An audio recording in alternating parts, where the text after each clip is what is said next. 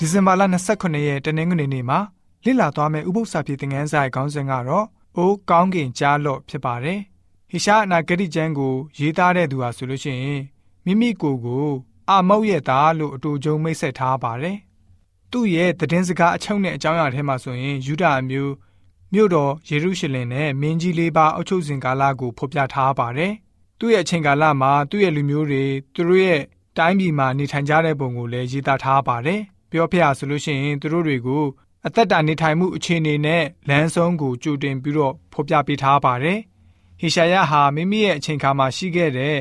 ရှင်ဘရင်လေးပါးအကြောင်းကိုလည်းပဲဖော်ပြပြီးတော့သူရေးသားတဲ့ကျမ်းမှာရာဇဝင်သမိုင်းကြောင်းနိုင်ငံရေးလှုပ်ရှားမှုအချိန်ခါကိုအတူချုပ်ရေးသားပေးထားပါတယ်။အဲ့ဒီအချိန်ကာလကတော့ဓမ္မရာဇဝင်ဇရုထဆောင်ခန်းကြီး15ကနေ20နဲ့ရာဇဝင်ကျုပ်ဒုတိယဆောင်ခန်းကြီး26အနေ30နှစ်အထိအကြောင်းအရာတွေကိုဓာတ်ရိုက်ဆူလိုတာဖြစ်ပါတယ်။ ဟေရှားနာဂတိကျမ်းခန်းကြီး1ငွေ2ကိုဖတ်ပါမယ်။ဖျားရှင်ကဘယ်လိုမျိုးမိတ်တော်မူထားလဲဆိုတာကိုကြည့်ကြပါစို့။ထာဝရဘုရားမိတ်တော်မူသည်ဖြစ်၍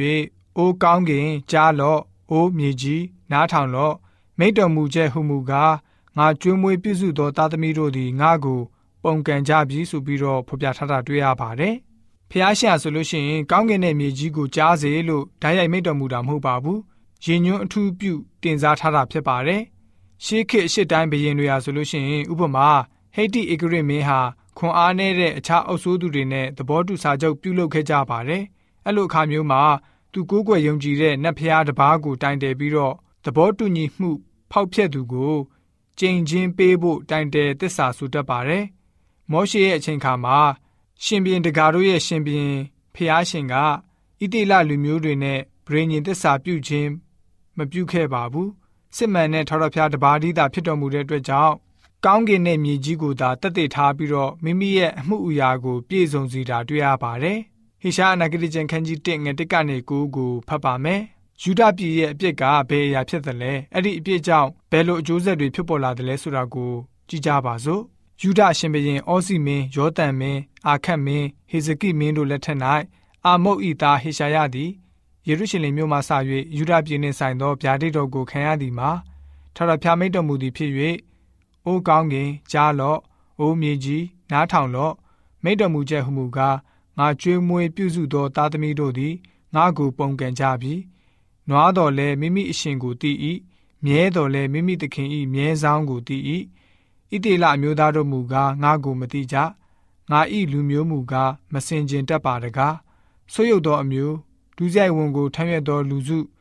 မတရားသဖြင့်ပြုသောအနွယ်ဖောက်ပြန်သောသားသမီးပါတကားထထဖျားကိုစွန့်ကြပြီ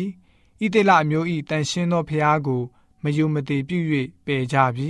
ကြောခိုင်း၍ခွာသွားကြပြီသူတို့ကိုအဘဲသို့ဒဏ်ပေးရအောင်မည်နီအဘဲသို့ထပ်၍ဆုံးမရအောင်မည်နီဥကောင်းသည်အနာတသက်ရှိ၏နှလုံးသည်လည်းခွန်အားအရှင်းမရှိ ခြေပေါ်ဝါးမှသည်ဥကောင်းတိုင်အောင်ကျမ်းမာခြင်းမရှိ ဆုတ်ရှသောအနာထိခိုက်၍ရောင်သောအနာရည်ရွယ်သောအနာတသက်ရှိ၏ထိုအနာများကိုမနှိပ်မနေရအဝတ်နှင့်မစီးရဖျောင်းစီနှင့်မပြော့စေရသည်တင်တို့ပြည်သည်လူစိတ်ညံလျက်ရှိ၏တင်တို့မြို့များကိုမီးလောင်ပြီးတင်တို့မြေကိုလည်းတကြွတနိုင်ငံသားတို့သည်တင်တို့မျက်မှောက်၌စားကြ၏ရန်သူဖြက်ပြီးတကဲ့သို့လူစိတ်ညံလည်းရှိ၏စီယုံတို့သမီးသည်လည်းစပြည့်ဥယျာဉ်၌တဲကဲ့သို့၎င်းတခွားတောင်ယာ၌ လင့်စင်ကဲ့သို့၎င်းရန်သူဝိုင်းသောမျိုးကဲ့သို့၎င်းကြံရက်လေ၏ကောင်းကင်ဘိုးရှိအရှင်ထထဖျားသည်ငါတို့၌အနှဲငယ်များကျွင်းစေတော်မူမူလင်ငါတို့သည်တောတုံကဲ့သို့ဖြစ်၍ဂမောရမြို့နှင့်တူကြပြီဆိုပြီးတော့ဖော်ပြထားတာတွေ့ရပါတယ်ဣတိလလူမျိုးတွေဟာဆိုလို့ရှိရင်ဖျားရှင်ကို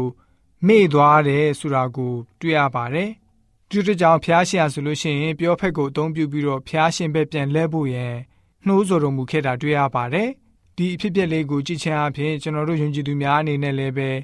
အသက်တာမှာဖျားရှင်ကိုမေ့နေပြီလားဆိုတာကိုပြန်လည်သုံးသပ်ပြီးတော့ဖျားရှင်ဘက်မှာယုံကြည်ခြင်းခိုင်မြဲတဲ့ယုံကြည်သူတွေဖြစ်စေဖို့အတွက်တနင်္ဂနွေနေ့ဥပုသ္စာဖြစ်တဲ့ငန်းစာကဖော်ပြထားပါတယ်။